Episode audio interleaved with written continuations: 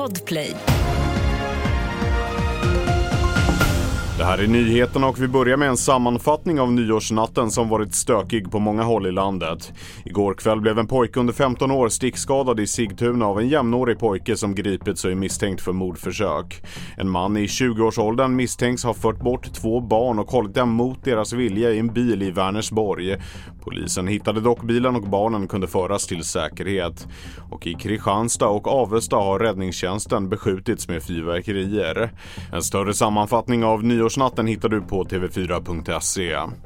Ukrainas president Zelensky lovar att den inhemska vapenproduktionen ska öka under 2024. Samtidigt innebar nyårsnatten nya ryska attacker, denna gång mot staden Odessa där en person dödats. Men även ukrainska attacker mot den ryskockuperade staden Donetsk där fyra personer dödades. En 39-årig surfare har avlidit efter att ha attackerats av en haj vid ön Maui på Hawaii. Mannen fördes till land med hjälp av en vattenskoter men förklarades senare död på sjukhuset enligt lokala medier. Det här var den första dödliga attacken på Hawaii under 2023. Under året har 83 bekräftade hajattacker skett i världen varav 15 med dödlig utgång. Mer nyheter hittar du på tv4.se och i appen.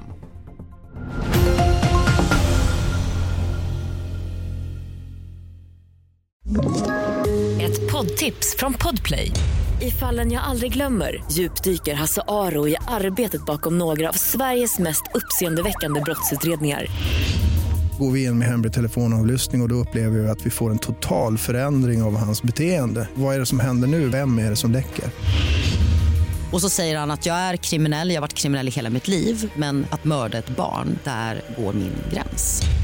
Nya säsongen av Fallen jag aldrig glömmer på Podplay.